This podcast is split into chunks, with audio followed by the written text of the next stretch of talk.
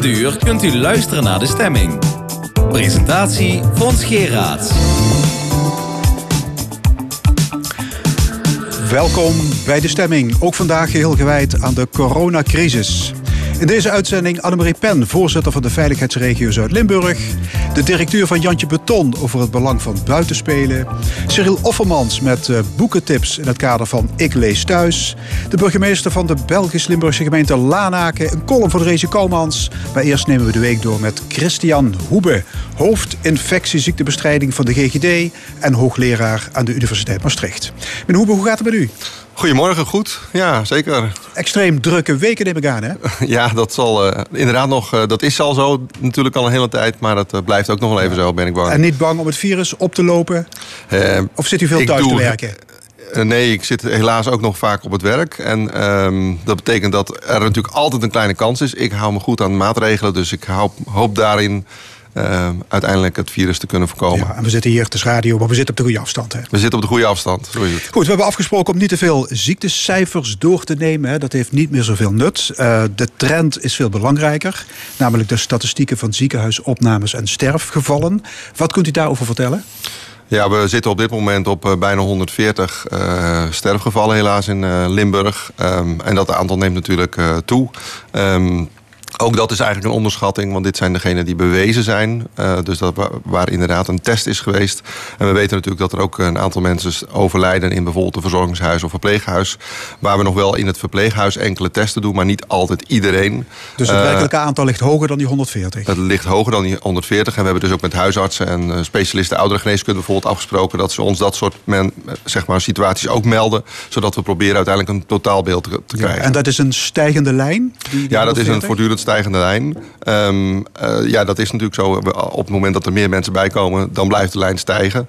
Uh, wat we wel zien, en dat is natuurlijk een beetje wat ook de discussie is uh, landelijk. Van nou, wat is nou precies die afvlakking of stabilisatie die eraan zit te ja, komen? Dat, dat zeggen de, reken, de rekenmeesters. Hè. Het aantal besmettingen is stabiel. Dus iemand die het virus heeft, die besmet geen twee mensen meer, maar één. Ik hoorde u deze week zeggen, ja, dat is mij te optimistisch. Nou, wat we zien is eigenlijk, uh, dat is natuurlijk ook een beetje moeilijk. Het is een, uh, het is een stijgende lijn en de stijging is minder groot. En dat is ook wat we verwachten, want we dus doen een heel veel maatregelen. De groei neemt een beetje af. De groei neemt een beetje af. En dat zien we op zich wel in de cijfers. Maar om al heel optimistisch zijn over cijfers die dan afbuigen. Uh, ja, is altijd, ik ben uh, wat van de voorzichtige kant. En ik denk eerst zien dan geloven.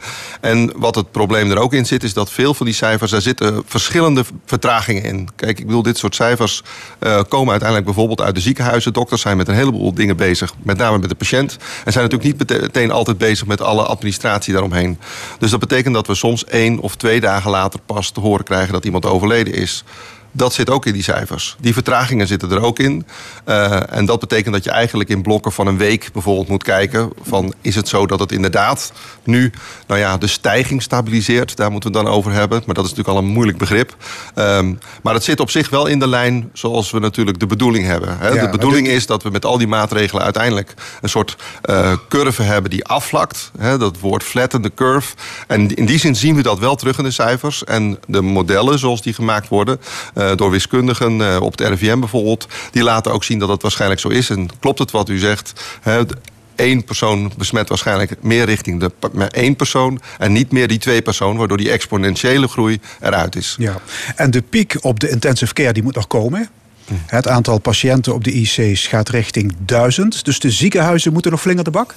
Ja, daar zit natuurlijk nog meer vertraging in. Hè? Dat betekent dat enerzijds duurt het natuurlijk even voordat mensen zo ziek zijn dat ze op de intensive care zijn. Bovendien is het zo dat als je op de intensive care komt met coronavirus, dat dat wel drie weken duurt. En normaal gesproken liggen mensen meestal maar één week op de intensive care. Uh, en dat betekent dus dat ja, als iemand drie weken lang op de intensive care ligt, ook lang die bedden bezet houdt. Nou, dat is heel effectief in Nederland. Dus de meesten overleven het dan ook. Dus dat is op zich heel goed nieuws. Um, maar ja, het betekent natuurlijk wel dat ze uh, langzaam steeds meer vollopen. Ja, maar toch, de groei van het aantal nieuwe besmettingen vlakt af. Hè, laten we dat een lichtpuntje noemen. Is dat te danken aan de maatregelen van drie weken geleden? Ja, dat is te danken aan de maatregelen. En ook de maatregelen van uh, ondertussen weer afgelopen week, zeg maar. Die gaan we er ook nog bij krijgen. Dus uiteindelijk gaan we ervan uit dat dat allemaal gaat werken. Ja, de regels zijn de afgelopen week nog, uh, ja, nog verder aangescherpt. Ja. Grote bijeenkomsten zijn tot 1 juni verboden. Er is een samenscholingsverbod voor drie mensen of meer. Winkels moeten maatregelen treffen, enzovoorts, enzovoorts. Dat was hoog nodig? Uh, nou, dat extra zetje was wel nodig om even iedereen scherp te krijgen. Ja, de minister had het over asociaal gedrag. Ja, dat, het was zo dat we gewoon de beelden zagen. Hè. Uh, iedereen heeft die kunnen zien. Dat niet iedereen uh, even goed tussen de oren had wat echt de bedoeling was. En daarom denk ik dat het goed is dat uiteindelijk daar toch nog een tandje bij is gekomen. Ja, ik kom daar zo meteen met uh, mevrouw Annemarie Pen nog op terug. De premier sprak van een intelligente lockdown. Met andere woorden, je hebt ook niet intelligente lockdowns? Ja, kijk, het is, dat is eigenlijk uh, het verschil tussen of we zeggen iedereen moet verplicht thuis blijven. Dat betekent gewoon een gevangenis thuis voor iedereen. Of we doen het alleen maar bij de mensen die uiteindelijk klachten hebben en hun gezin. En dat is in feite wat wij nu doen. Dat betekent natuurlijk dat je de mensen met coronavirus uh, binnenhoudt. Maar ook degene die bijvoorbeeld een griep hebben binnenhoudt. Maar dat betekent toch relatief dat je veel minder mensen zo'n hele zware maatregel aan moet doen. Terwijl het even effectief is. Ja, dus en beter een lockdown light dan alle mensen huisarrest. Ja, omdat we ervan uitgaan dat het eigenlijk precies even effectief is in de maatregelen. En dat maakt ja, dat ik er ook heel blij mee ben dat we deze maatregelen nemen. Zodat er mensen nog naar buiten kunnen. Uh, natuurlijk volgens de regels. Maar dat er in ieder geval nog enige bewegingsvrijheid is. Ik las een interview met een longarts van een ziekenhuis in Brabant. En die zei: De sterfte zal niet alleen bij coronapatiënten zijn, ook anderen zullen sterven. Doordat ze niet de zorg krijgen die ze normaal wel zouden krijgen. Dat is wel even schrikken, zo'n opmerking. Ja, ik vraag me ook af of dat helemaal zo is. In principe is het zo dat uh, bij ons de gezondheidszorg zich eigenlijk op twee kerntaken richt nu. En dat betekent enerzijds natuurlijk coronavirusinfecties. Dat is natuurlijk waar we het nu al de hele tijd over hebben. Maar ook op uiteindelijk uh, spoedeisende hulp. En de spoedeisende hulp gaat nog steeds gewoon door. En dat betekent dat de spoedeisende hulp uh, in principe overeind blijft staan. En mensen dus met spoedeisende zaken gewoon geholpen worden. Dus dat is een beetje bangmakerij. Uh, dat zijn geen leuke verhalen. Dat zijn geen leuke verhalen. Ja, kijk, het, die een dierbare überhaupt uh, is het zo dat natuurlijk uh, deze tijd een heleboel dingen niet, uh, niet leuk zijn. dat blijft overeind. Ja, maar er worden ook veel indianenverhalen verteld. Nou ja, het is altijd weer, ja, denk ik. U heeft vorige week hier uitgelegd, meneer Hoebe, dat een vaccin nog zeker anderhalf tot twee jaar op zich laat wachten. wat betreft medicatie, je hoort het een en ander over chloroquine vroeger gebruikt als medicijn tegen malaria. Dat zou helpen tegen corona. Wat, wat denkt u? Ja, dat is een uh, idee wat gekomen is eigenlijk uit onderzoek wat gedaan is uh, bij het vorige uh, coronavirus. Dat was het SARS-virus. Daar is uitgebleken dat het misschien ietsje helpt. Daarom is daar het gevoel bij dat het een uh, succes is. Um, maar eigenlijk is het nog niet goed onderzocht. Ook de, ik heb vorige keer ook gezegd, er zijn een aantal studies naar bezig om te kijken of dat werkt. Helaas zijn ook een aantal studies in China die bleken uiteindelijk niet genoeg deelnemers meer te kunnen vinden, omdat ja, die epidemie ging ook verder. Dus daar komt eigenlijk ook niet echt uit dat het heel erg een succes is. Um, het probleem blijft gewoon het is mogelijk om dit voor te schrijven. Zij het dat er geen indicatie officieel voor is. Dus dat moet echt onder bewustzijnsverklaring van een arts gebeuren.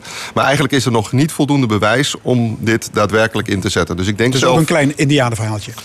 Nou ja, het is wel gebaseerd op ideeën dat dit misschien een succes zou kunnen zijn. Maar er moet eigenlijk gewoon nog meer onderzoek plaatsvinden om zeker te weten dat dit een, uh, dat dit een uh, therapie is die we, waar we echt wat aan hebben.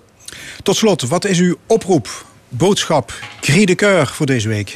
Ja, wat mij betreft blijft dat toch vooral uh, uh, natuurlijk je aan de maatregelen houden, maar ook denk aan elkaar. Uh, het is natuurlijk een tijd waarin ook veel mensen in isolatie komen. Ik heb dat vorige keer ook al gezegd. denk een beetje aan elkaar en daar wilde ik het bij laten. Oké, okay, hopelijk tot volgende zondag. Christian Hoebe van de GGD en de Universiteit Maastricht. Hartelijk dank. Graag gedaan. Ook aan tafel Annemarie Pen te Straken, burgemeester van Maastricht en voorzitter van de veiligheidsregio Zuid-Limburg. Uh, mevrouw Pen, hoe zijn uw werkdagen gevuld in deze tijd? Ja, een aantal weken um, al wel heel erg anders dan gebruikelijk. We hebben heel veel van het gewone burgemeesterswerk. eh, dat is natuurlijk afgeschaald. Dat, dat doe ik niet, omdat er heel veel is gewoon wordt afgezegd. Eh, de gemeenteraad, eh, dat hebben jullie waarschijnlijk ook wel meegekregen, neemt op dit moment nog steeds geen besluiten. Dus dat scheelt heel veel. Maar ook op allerlei andere thema's hoef ik eh, niet zoveel te doen als anders. Ehm, het is ehm, een beetje ehm, hollen en stilstaan. Eh, het is veel hollen in de zin van voortdurend appjes, telefoontjes, mailtjes. zo nu en dan vergaderingen. Soms in Utrecht, soms eh, twee keer per week bij het eh, MCC, bij de politie, crisisberaad. En eh, als het dan even niet zo is, dan zit ik thuis met mijn man en dan is het ineens heel stil. En dan eh, gaan we Netflixen en tijdens de film gaan voortdurend die appjes weer door. Dus Ja. het maar is, u moet eh, als bestuurder vooral uw crisismanagementcapaciteiten aanspreken. ja, deze zeker. tijd. Ja, dat is nu wel het allerbelangrijkste. Ja. Goed, de aangescherpte maatregelen van het kabinet. Ja, die moeten leiden tot een noodverordening in alle 25 veiligheidsregio's. Dat is nu eindelijk geregeld. Hè? Waarom heeft dat zo lang geduurd?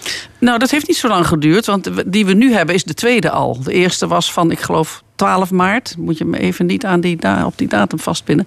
Maar eh, iedere keer als er nieuwe maatregelen kwamen, kwam er een nieuwe verordening.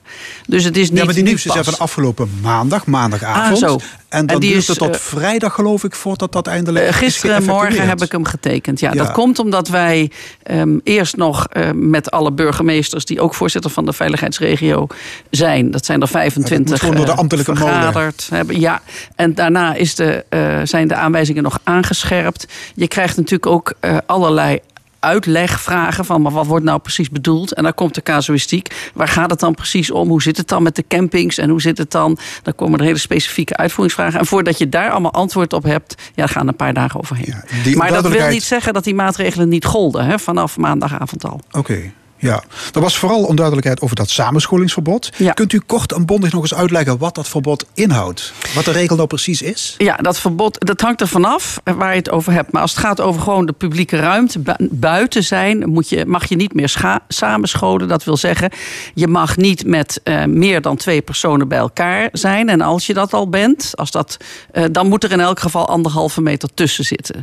Nou is dat lastig eh, je voor te stellen. Want stel je nou voor, je hebt een groot park en daar zitten eh, duizend groepjes van twee personen, ieder anderhalve meter van elkaar. Ja, dat wil je ook niet. Dus het, eh, in de casuïstiek zullen we dat echt moeten bekijken en ook oplossen. Ehm, Ja, maar u bent burgemeester van Maastricht. Dus dat geldt voor de hele stad. Niet dat geldt alleen voor heel Zuid-Limburg. Voor aangewezen plekken. Nee, geldt voor heel Zuid-Limburg.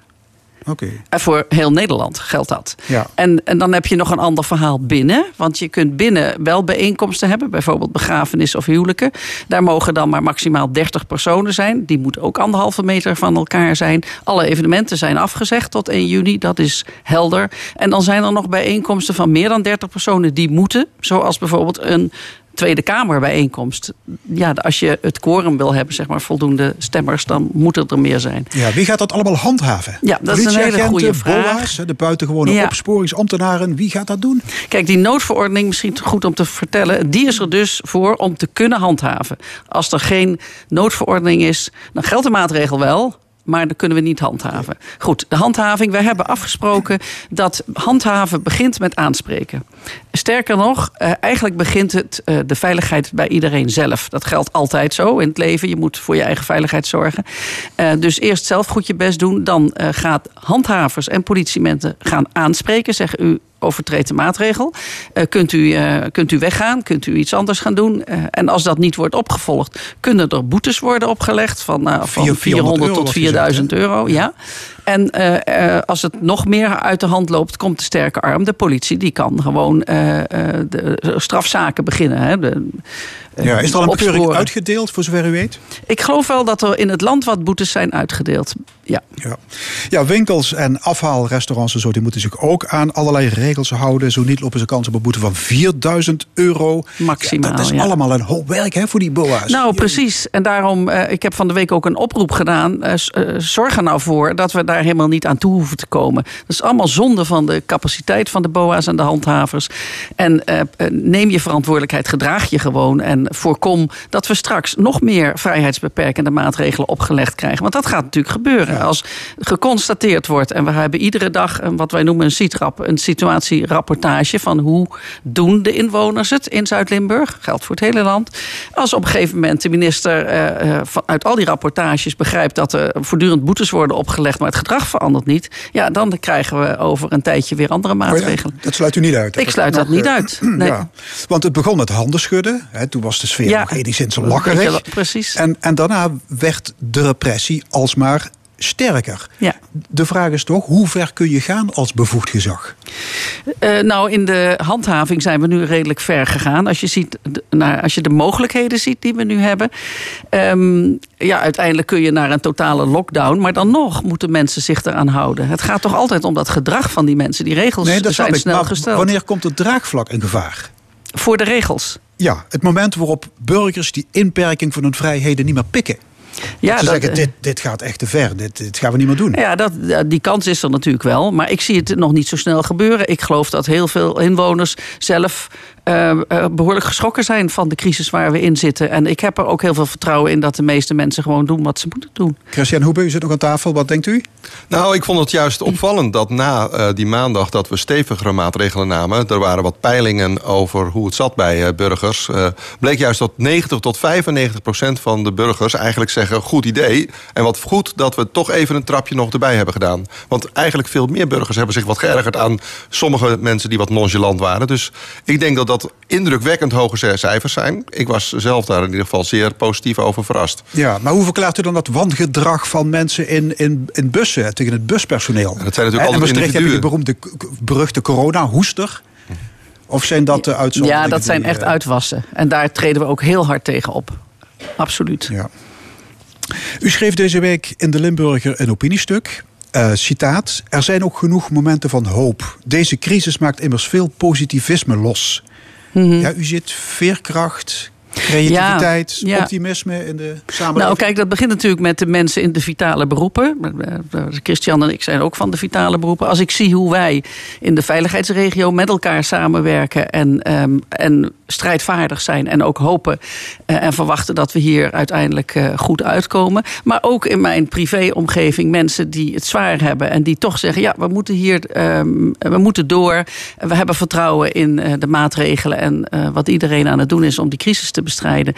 En je ziet zelfs, en dat vind ik ook wel mooi, en misschien moeten we het daar op een ander moment nog maar eens over hebben, dat mensen ook wel wat fundamenteler gaan nadenken over eh, hoe hebben wij ons leven op deze wereldbol eigenlijk ingericht. Zijn we niet veel te veel doorgeschoten in het moet allemaal meer en meer en meer en zijn we niet um, ook de natuur aan het kapot maken? En nou ja, er komen ook existentiële vragen, wezenlijke vragen van de mens en dat is mooi, vind ik mooi om te zien. Ja. Even los van al het verdriet. Een, een week call is, dan geldt dat ook op gemeentelijke schaal. Hè? Mhm. Is het zinvol om misschien een soort denktank op te richten? Maastricht na de coronacrisis? Ja, ik zou het heel interessant vinden om gewoon vooral met in. Laten we maar klein beginnen, want de, de wereld verander je niet door uh, op wereldschaal mooie dingen te roepen, maar in je kleine omgeving. Ik zou het heel mooi vinden als we in onze gemeentes uh, dit soort denktankjes uh, inrichten en zeggen: zullen we eens nadenken over wat nu na die crisis? Wat hebben we geleerd en wat houden we vast aan lessen? Ja. Nog een ander punt. De economie krijgt een flinke optater. Ja. Uh, te weinig vraag, te weinig omzet, geen opdrachten voor ZZP'ers. Die kunnen bijstand aanvragen bij de gemeenten. Ja. Uh, dat gebeurt ook massaal. Ja, heel veel. Ja. We hebben iets van 2300 aanvragen binnen. 2300. Waarvan er iets van 600 al afgewikkeld zijn. En nog wat lopen. En er zijn weer nieuwe binnengekomen. Ja, ja eenmansbedrijfjes die, kunnen, ja. die krijgen het minimumloon. Hè, maximaal 1500 euro. Dat is geen, ja, maar het is natuurlijk dramatisch. Het is dramatisch. Ja. Dat is heel erg. Ja. En een hoop extra werk voor de sociale diensten. Hè? Ja. Daar is het alle hens aan dek. We hebben ook zorgen natuurlijk over gezinnen die toch al kwetsbaar zijn. Waarin uh, met name voor kinderen uh, het leven al niet zo makkelijk was. Uh, ja, wat doet dat als zo'n gezin voortdurend in huis zit en de, de spanningen oplopen? Dat, daar maak ik me wel zorgen om, ja. Absoluut. Want u moet als burgemeester ook zorgen voor wat psychologische bijstand, voor Ja, pep wordt- talk. Voor, u gaat ook binnenkort voorlezen bijvoorbeeld Ja, voor, dat is, voor eh, mensen. gebeurt al. Ja, ja. ja nou, maar vooral ook onze eigen mensen van de gemeente, hè, die, die eigenlijk die keukentafelgesprekken deden, eh, die moeten toch eh, proberen die thermometer erin te houden. Van hoe gaat het nou in dat gezin op die kwetsbare plekken? Ja, hoe, hoe beleeft u zelf deze tijd?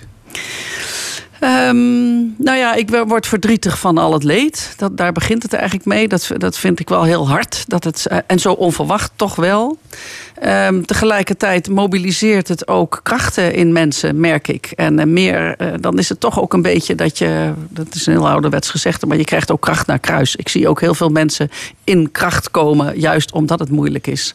Dus het is een beetje dubbel allemaal. Maar ik kracht, heb wel vertrouwen. kracht naar kruis. Kracht naar kruis, ja. Oké, Annemarie Pen te Straken, burgemeester van Maastricht en voorzitter van de Veiligheidsregio Zuid-Limburg. Hartelijk dank. Graag gedaan.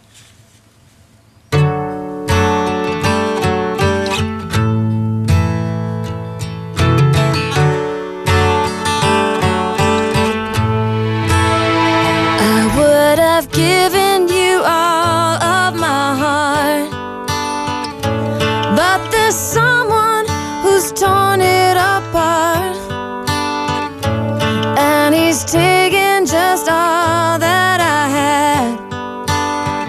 if you wanna try to love again,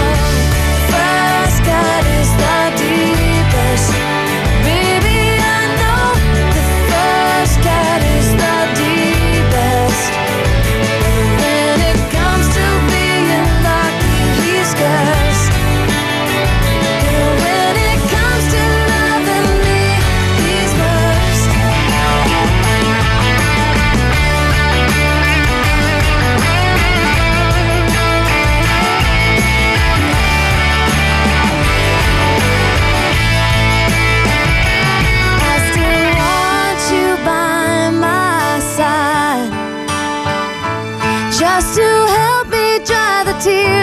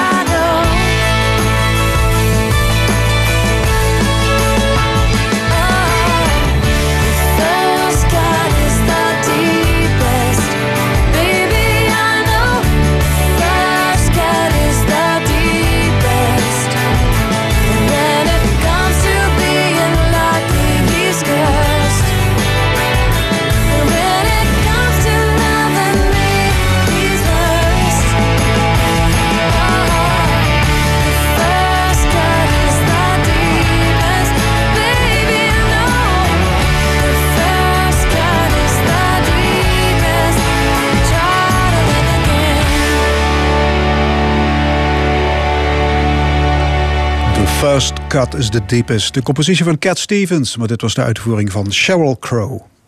Zo dadelijk in de stemming Marino Keulen, de burgemeester van de Belgisch-Limburgse gemeente Lanaken. Maar eerst onze analist van de week. De analist. Vandaag cultuuranalist Cyril Offermans. Cyril, welkom. Hallo Frans. Hoe beleef jij eh, ja, deze tijden? Nou, mijn eh, werkdag is eh, niet heel anders dan gewoonlijk. Ik eh, ben gewend Thuis te werken. Dagelijkse bezigheden om thuis te werken. Ik ben, dus quarantaine is voor mij niet zozeer een eh, straf, maar een gewone dagelijkse gang van zaken.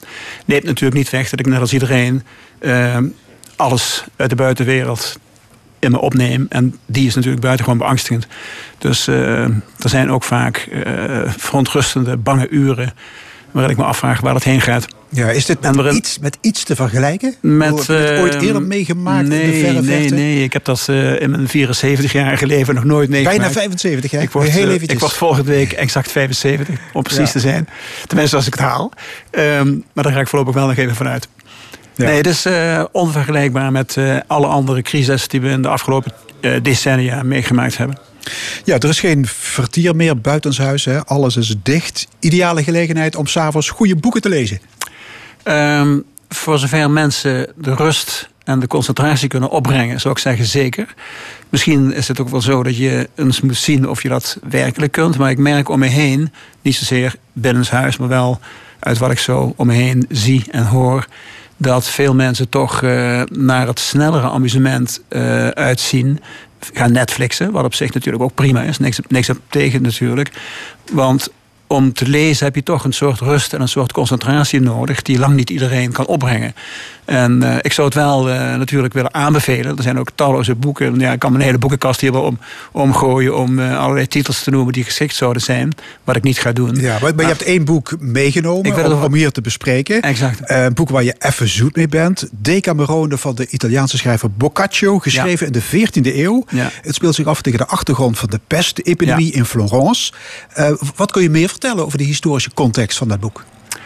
Nou, ehm, het is eh, inderdaad zo dat eh, de pestepidemie die kwam uit het oosten. Ehm, dat wist eh, Boccaccio ook al. Ehm, hij werd verspreid via een bacil die door klaagdieren met name werd overgedragen. En hij is eigenlijk vanuit Azië Europa binnengedrongen via een havenstad aan de Zwarte Zee, die toen Kaffa heette. Dat was een Genuese handelsnederzetting. Ehm, die stad werd op een gegeven moment eh, belegerd door de Mongolen. Die lijken van aan de pest gestorven mensen over de stadsmuren katapulteerden.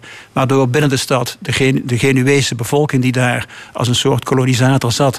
eh, aangestoken werd, geïnfecteerd werd.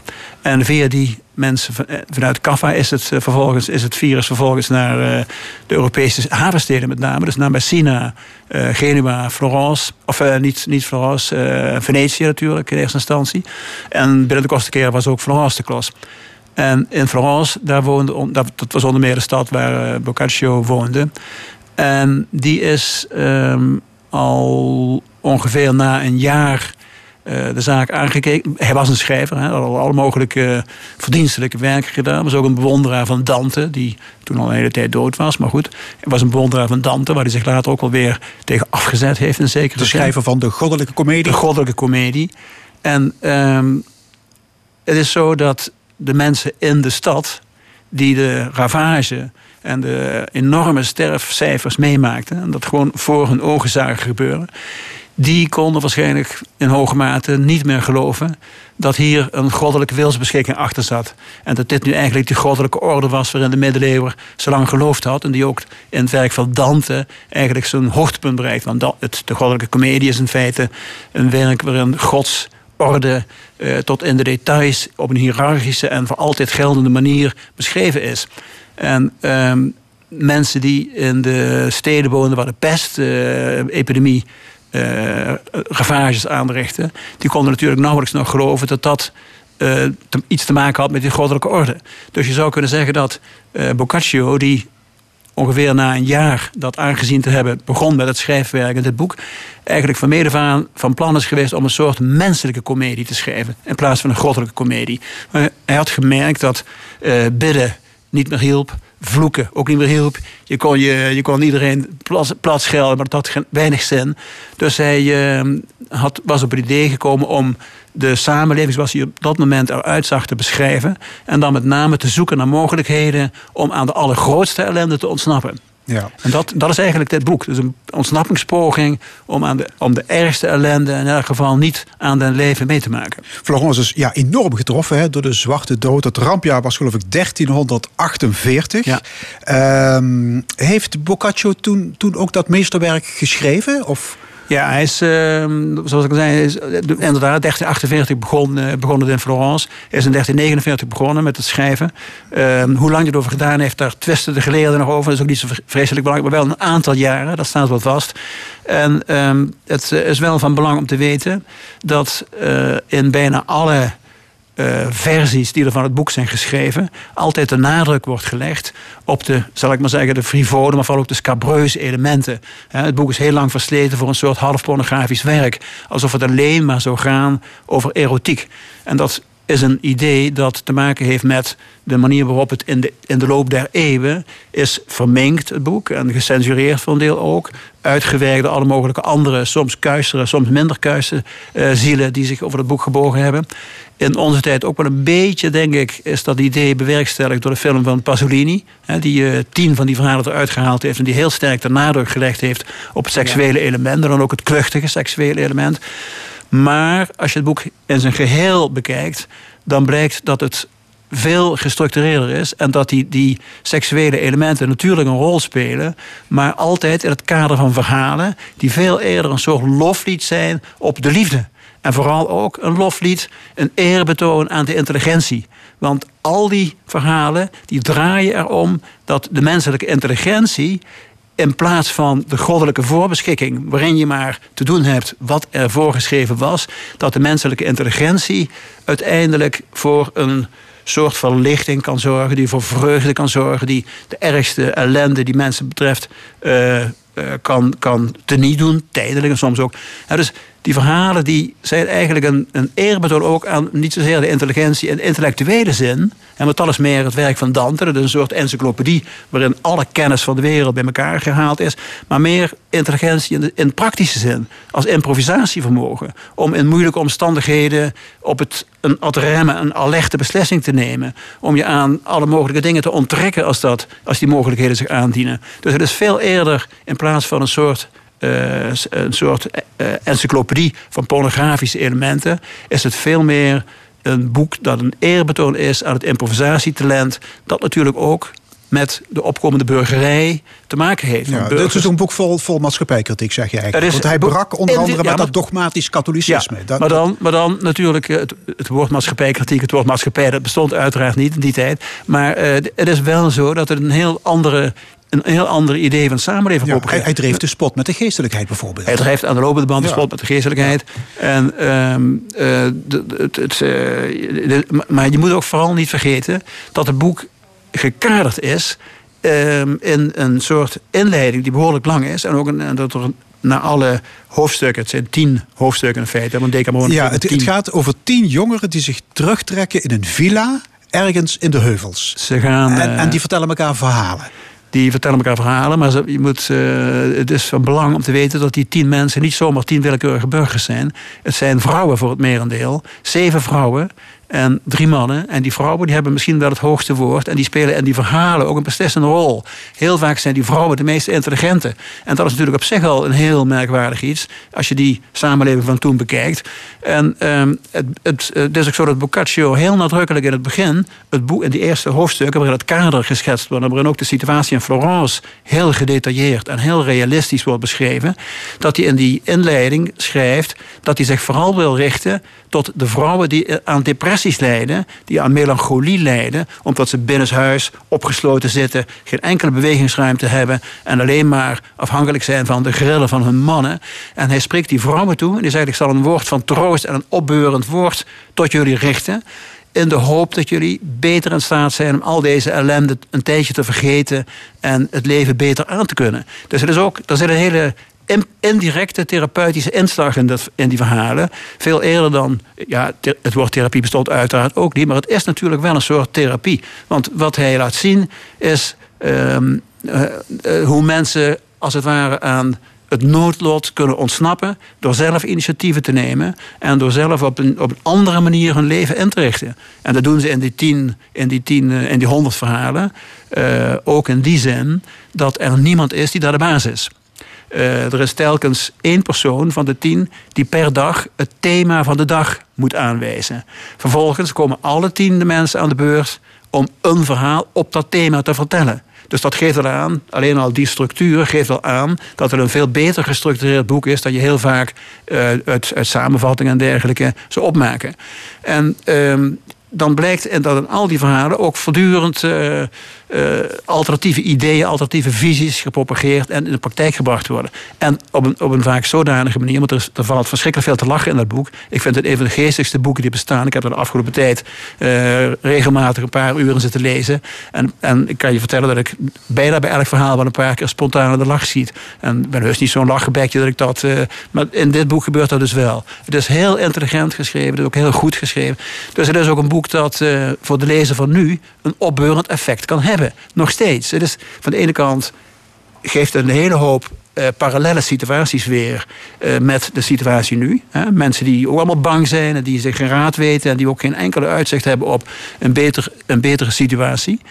Um, maar het is ook wel degelijk, niet alleen in die tijd had het iets opbeurends. Hè? Maar het is ook zo dat het voor de lezer nu iets opbeurends kan hebben. Dus dan kom ik op de vraag van je in het begin terug. Als je een boek zou moeten aanbevelen, dat uh, ik zou zeggen, probeer het maar eens. Decamerone, een pil van 800 bladzijden van Boccaccio. Gewoon verkrijgbaar via de boekhandel. En, Cyril Offermans, ja. hartelijk dank. Geen dank. Belgen mogen niet naar Nederland en vice versa. Dus ook het grensverkeer tussen de beide Limburgen is geblokkeerd. Op overtreding staat een forse boete. Aan de telefoon Marino Keulen, burgemeester van de Belgisch-Limburgse gemeente Lanaken. Meneer Keulen, goedemorgen. Goedemiddag. U zou het liefste de grens bij Smeermaas en Veldwezelt met betonblokken willen afgrendelen? Nee, toch niet. Uh, belangrijk is, Nederland heeft de voorbije dagen ook opgeschaald. Hij is ook gekomen met een samenscholingsverbod tot drie personen. Hier is dat twee personen. Dus uh, men zet daar ook wel heel wat stappen in de richting van uh, West-Europa, dus vanuit Nederland. Gisteren heb ik wel, en dat uh, stemt mij ongerust, Wim van den Donk, de commissaris van de Koning in Noord-Brabant, op NPO 2 bezig gehoord. Noord-Brabant wordt heel zwaar geteisterd door corona met ja, veel klopt. doden. En de man zei dat toch bij hem, dat was de indruk, boven de grote rivieren in Nederland, het besef welke killer dat corona eigenlijk is, het virus eigenlijk is, dat dat nog niet helemaal is doorgedrongen. Dus uh, wat dat betreft denk ik dat er nog bijkomende sensibilisering en misschien ook bijkomende maatregelen in Nederland nodig zijn. Ja, maar u heeft het Nederlandse beleid uh, onlangs aardsgevaarlijk genoemd. Hè? Ridicuul en mm. laks, dat zijn woorden die u gebruikt heeft. Hoe meer mensen Klopt, besmet ja. zijn, hoe beter. Maar u Ja. weet toch dat die groepsimmuniteit ja, verkeerd is uitgelegd? Ja, het- ik moet u wel zeggen, ik hoor niemand in Nederland nog de groepsimmuniteit eigenlijk verdedigen. Je zit natuurlijk ook in Nederland, ik denk een 639 coronadoden, maar dat is het cijfer denk ik van eergisteren. Uh, wij zitten nu op 353, we moeten daar ook geen Ja. wedstrijd Nee, maar ons beleid is erop gericht, meneer. Keulen, om het tempo te vertragen, zodat, zodat ziekenhuizen het, het, het allemaal aankunnen en kwetsbare ouderen worden beschermd. En in de tussentijd ontwikkelen patiënten die beter worden immuniteit. Met andere woorden, die groepsimmuniteit is geen doel bij ons, maar dat is bijvangst. Juist, uh, maar dan op een of andere manier stel ik dan toch vast dat jullie inderdaad nu pas zijn gekomen met dat samenscholingsverbod. Dat eigenlijk naar de economie toe vooral wordt geadviseerd om bepaalde dingen niet meer te doen of zaken te sluiten. Terwijl de rest van Europa op dat vlak veel dwingender is. Ook in de concrete maatregelen. En nogmaals, Nederland is bezig aan een inhaalbeweging. Heeft men eigenlijk, laten we zeggen, vooral proberen de economie te sparen. Dat hoor ik ook als ik gesprekken voer met mensen ten kosten eigenlijk van de volksgezondheid. Men heeft eigenlijk vooral heel lange tijd gedacht, dit is een griep waarvoor geen vaccin bestaat, maar god, mensen doorstaan dat wel. Het is een beetje ook een survival of the fittest, maar ik denk dat men zelf toch ook wel wat geschrokken is als je uiteindelijk alleen nog in het bondgenootschap zit met uh, Donald Trump en Boris Johnson. Maar goed, nog eens opnieuw, Nederland heeft belangrijke stappen gezet en dat vind ik eigenlijk veel Ja, ik heb niet, niet de dan dat je- indruk dat de aanpak bij jullie op dit moment zoveel anders is dan bij ons. Ja, weet u, ik denk dat wij in een lockdown zitten. Dat heb ik als begrip. Dat is een internationaal begrip. Wat hoor ik in, of dat hoor ik in Nederland alleszins niet uitspreken. Alleen nog essentiële verplaatsingen in het kader van woon-werkverkeer. Ja, dat is bij ons en precies ook alles hetzelfde. wat te maken met de zorg van eh, de dierbaren en van de dieren. En dan het co-ouderschap. En voor de rest ligt alles aan banden. Maar opnieuw, uh, winkels waren nog lang open. Ik zie nog altijd ook hier mensen, foute Belgen, nog eens opnieuw de grens overtrekken richting Jumbo, richting Praxis en Gamma. Maar we zetten daar inderdaad ook vanuit Nederland krijg je de aansluiting met de rest van West-Europa. Frankrijk, Spanje, quarantaine. Eh, de rest van West-Europa, Denemarken, België, Frankrijk, lockdown. En Nederland doet dat nu ook. En dat is goed. Ik denk dat ook eerlijk gezegd, ik eh, wil daar ook geen zwarte pietenwedstrijd van maken. Ik beschouw mezelf als een vriend van Nederland. Ik vind dat Nederland daar aanvankelijk nogal sceptisch was ten opzichte van de stringente maatregelen die de rest van West-Europa nam. Ik hoor ook in contacten wat ik heb met verantwoordelijken dat men daar ook absoluut aan uh, bij uh, en dat we eigenlijk gaandeweg wel bij elkaar komen op datzelfde strenge punt. En dat is, we gaan die killer maar uiteindelijk helemaal kunnen bedwingen. We hebben hem nu bij het nekvel, maar pas op de knieën krijgen als we inderdaad nog meer discipline aan de dag leggen. Ja. Meneer Keulen, wat is eigenlijk het probleem als ik bij jullie benzine ga tanken? Ik bedoel, ik gebruik dan plastic handschoenen. Ik, ik gooi de tank vol. Ik reken af met de pinpas. Ik hou anderhalve meter afstand en vertrek. Wat is het probleem? Dat is net het probleem, die redenering, omdat volksgezondheid spijtig genoeg daar heeft Europa niks aan te zeggen. Net omdat er nog altijd eigenlijk een discrepantie zit op het verhaal van de volksgezondheid en de maatregelen tussen België, West-Europa aan de ene kant en Nederland aan de andere kant. Op het ogenblik dat Nederland helemaal opschaalt naar ons toe, is er geen probleem. En dan hoeven die grenscontroles niet te zijn. De grenscontroles zijn een symptoom van een verschillend beleid tussen België aan de ene kant en West-Europa aan de ene kant en Nederland aan de andere kant. Dat is eigenlijk het punt. Het punt gaat niet over wat de effecten zijn, of mensen nu inderdaad inkopen doen in deze of in gene winkel aan beide zijden van de Maas of aan beide zijden van de grens voor levensmiddelen. Het punt gaat dat daar uh, op het vlak van beleid verschillende criteria, verschillende standaarden worden gehanteerd tussen België aan de ene kant en Nederland aan de ja, andere dus kant. En zo dat... dat... dat dat bij elkaar Zowel te korter dat dat bij elkaar komt, zo te meer ook dat die grenscontroles overbodig worden. Op het ogenblik dat dat helemaal het geval is, en we zijn daar ook, Nederland zet daar belangrijke stappen, hoeven die grenscontroles voor mij absoluut niet meer. Ja, u blijft erbij dat ons beleid aardsgevaarlijk is. Dat is een kwalificatie die ik een week geleden heb gebruikt met volle overtuiging. Dat zal ik vandaag niet meer zeggen, net omdat er een opschaling is gebeurd met onder andere dat heel strenge samenscholingsverbod tot 1 juni nota bene. Dus dat is denk ik een heel belangrijke vertrouwenwekkende maatregel uit hoofden van de Nederlandse regering. Hoe is de stemming in uh, Belgisch Limburg en de rest van Vlaanderen?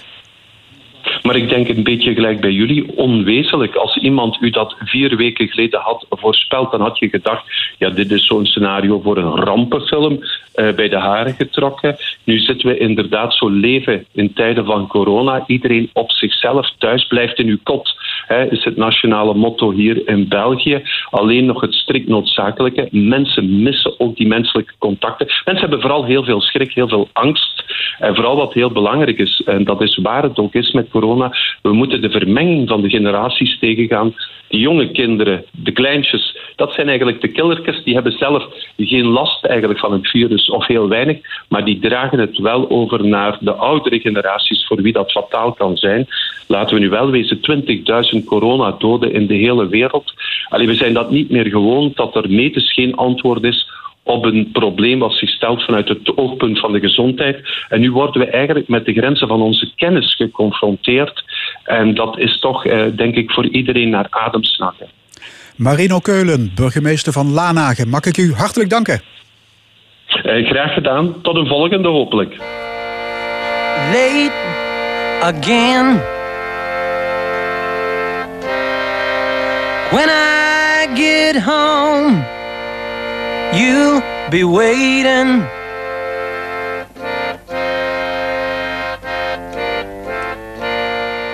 Still, you know, there ain't no use in you complaining.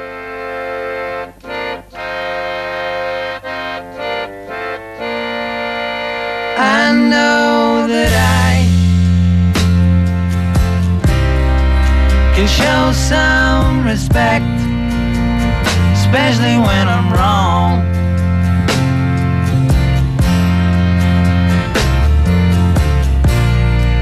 But when I get back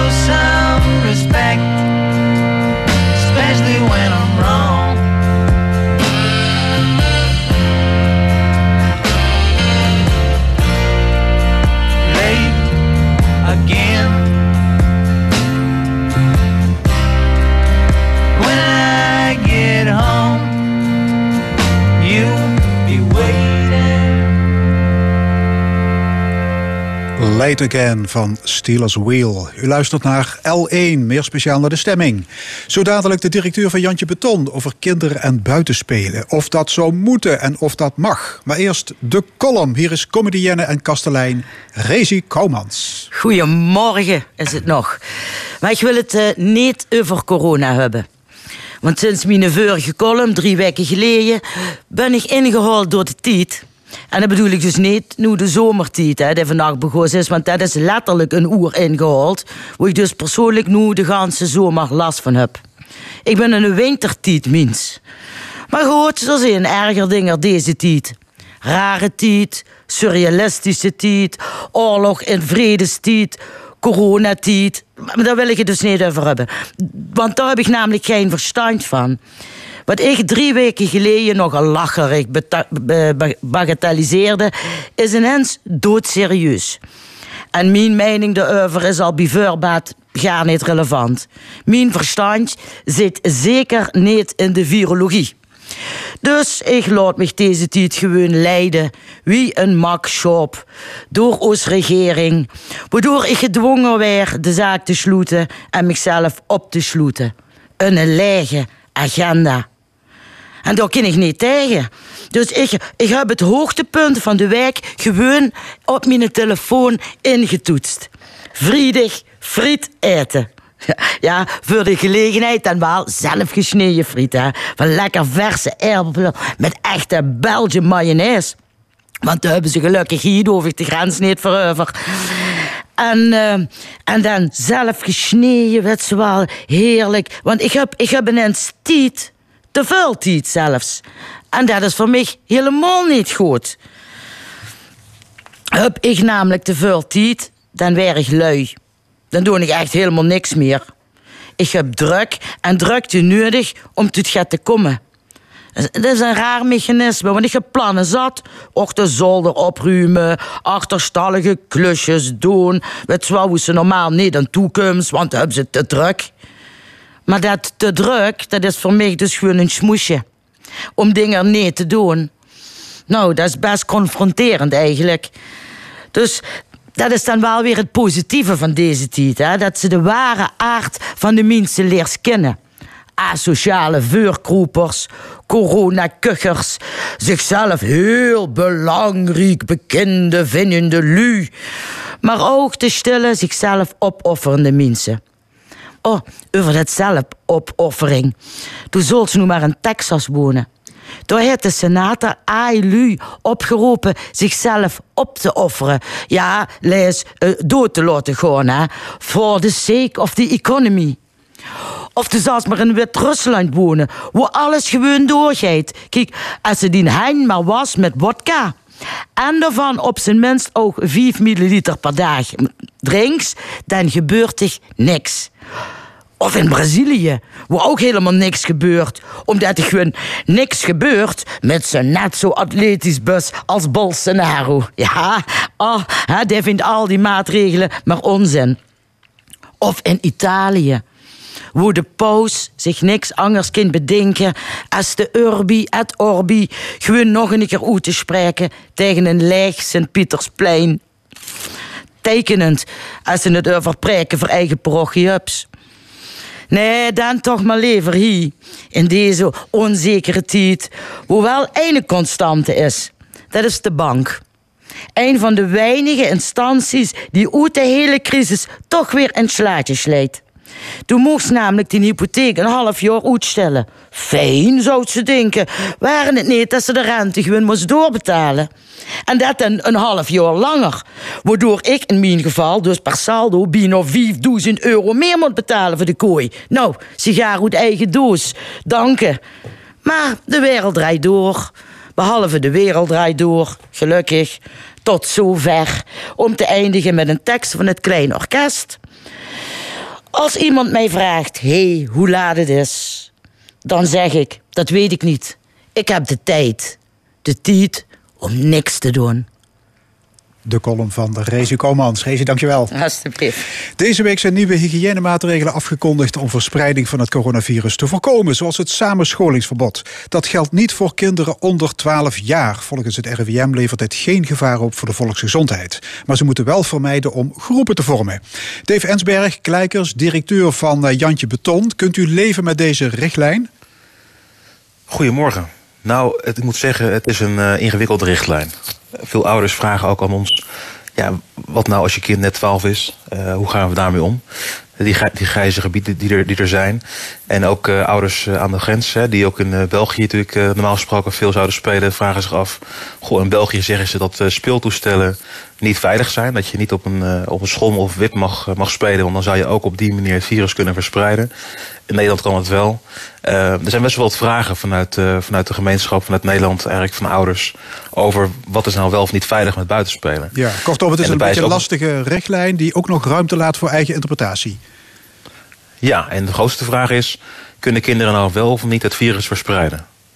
Ja, wat denkt u? En, nou, ik ben geen viroloog, hè, dus dat, uh, dat, weet ik niet. Nee. En het RIVM weet het ook nog niet. Dat, dat, dat is het onderzoek waar men nog uh, op wacht. Hè. De resultaten wachten, uh, die laten op zich wachten nog langer dan 6 april. Want het idee, idee was eerst van we wachten eerst het rapport af over dat, dat feit. Dan kunnen we ook op basis daarvan kijken naar het onderwijs. Of het langer gesloten moet, moet blijven. Nou, dat onderzoek duurt nog langer ja, het gekke is, je ziet ook in de, in de wereld verschillende ideeën erover. Hè. Ik heb Chinese rapporten uh, gelezen, tenminste de samenvatting daarvan. En daaruit zou blijken dat kinderen daadwerkelijk het virus, virus kunnen verspreiden. Het tegenovergestelde heb ik ook uh, gelezen. Uh, dus ik heb geen idee wat, wat nu werkelijkheid is. Ja. En dus ja, dat is een heel lastige situatie. Ja, de slogan van Jantje Beton is stop nooit met spelen. dat geldt ook onder deze extreme omstandigheid? Wellicht meer dan ooit? Ja, ja, dat klopt. Je ziet ook, kinderen, kinderen willen gewoon naar buiten. Kinderen willen graag buiten spelen. Dus dat is een, echt een behoefte die maar, overal maar het probleem is dat alles dicht is, hè? Speeltuinen, sportclubs, muziekscholen. Ja. Ik ben bang dat veel tijd achter de spelcomputer wordt doorgebracht. Nou, het doet nu een beroep op de creativiteit van ouders en kinderen om op andere manier te kunnen buitenspelen. Je kunt ook op buitenspelen op een manier waarop je afstand bewaart tot elkaar. Uh, en dat je geen uh, invloed hebt op, uh, op de gezondheid van de ander.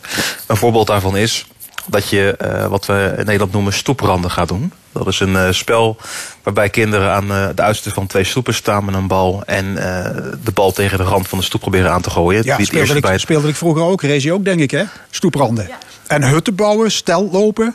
Kun je ook allemaal doen buiten. Ja. Hè? Voetballen. Voetballen alleen overtrappen, hè, want als je, anders ga je toch echt met elkaar te dicht uh, op elkaars uh, lip zitten. Dus je moet die afstand ook, afstand ook bewaren. Dus de vraag is eigenlijk, hoe kun je nou op een creatieve manier buiten spelen? En we hebben zelf als Jantje Beton een aantal hele leuke speeltips ook gepresenteerd aan, aan ouders. Dus op, op onze website speelbeweging.nl. Dus we kunnen ouders allerlei leuke tips ook ophalen en die met hun kinderen ook delen. Ja, en het vraagt echt, doet echt een beroep op je creativiteit. Het is, uh, het is ook wel weer, weer leuk. Hè? De schaarste maakt ook creatief. En dat, u u groeide op in, in Suriname. Wat deed u vroeger allemaal? Ik groeide op in Nederland, maar mijn ouders komen uit Suriname. Uh, wat ik zelf heel graag deed is voetballen. Uh, dus het, het, ja, en af en toe was ik ook wel eens ondeugend. En dat betekent, ik heb ook wel eens aan een uh, deurbel getrokken. of een deurbel ingeduwd, terwijl het eigenlijk niet mocht. En daarna keihard wegrennen. dat zal ik eerder bekennen. Maar voetbal was voor mij het allerbelangrijkste. Daarna gewoon, daarnaast ook lekker uh, bomen klimmen, hutten bouwen, uh, in de natuur genieten van, ja, van een tikketje met, met vriendjes. Ehm, ja, verstoppertjes spelen, busje, busje trap. Ehm, nou, fantastische leuke spelletjes zijn. Oké, meer tips op uw website hè? jantjebeton.nl Ja. Oké, Dave Ensberg, Kleikers, directeur van Goede Doelenorganisatie Jantje Beton, hartelijk dank. En tot zover de stemming. Tot volgende week zondag 11 uur.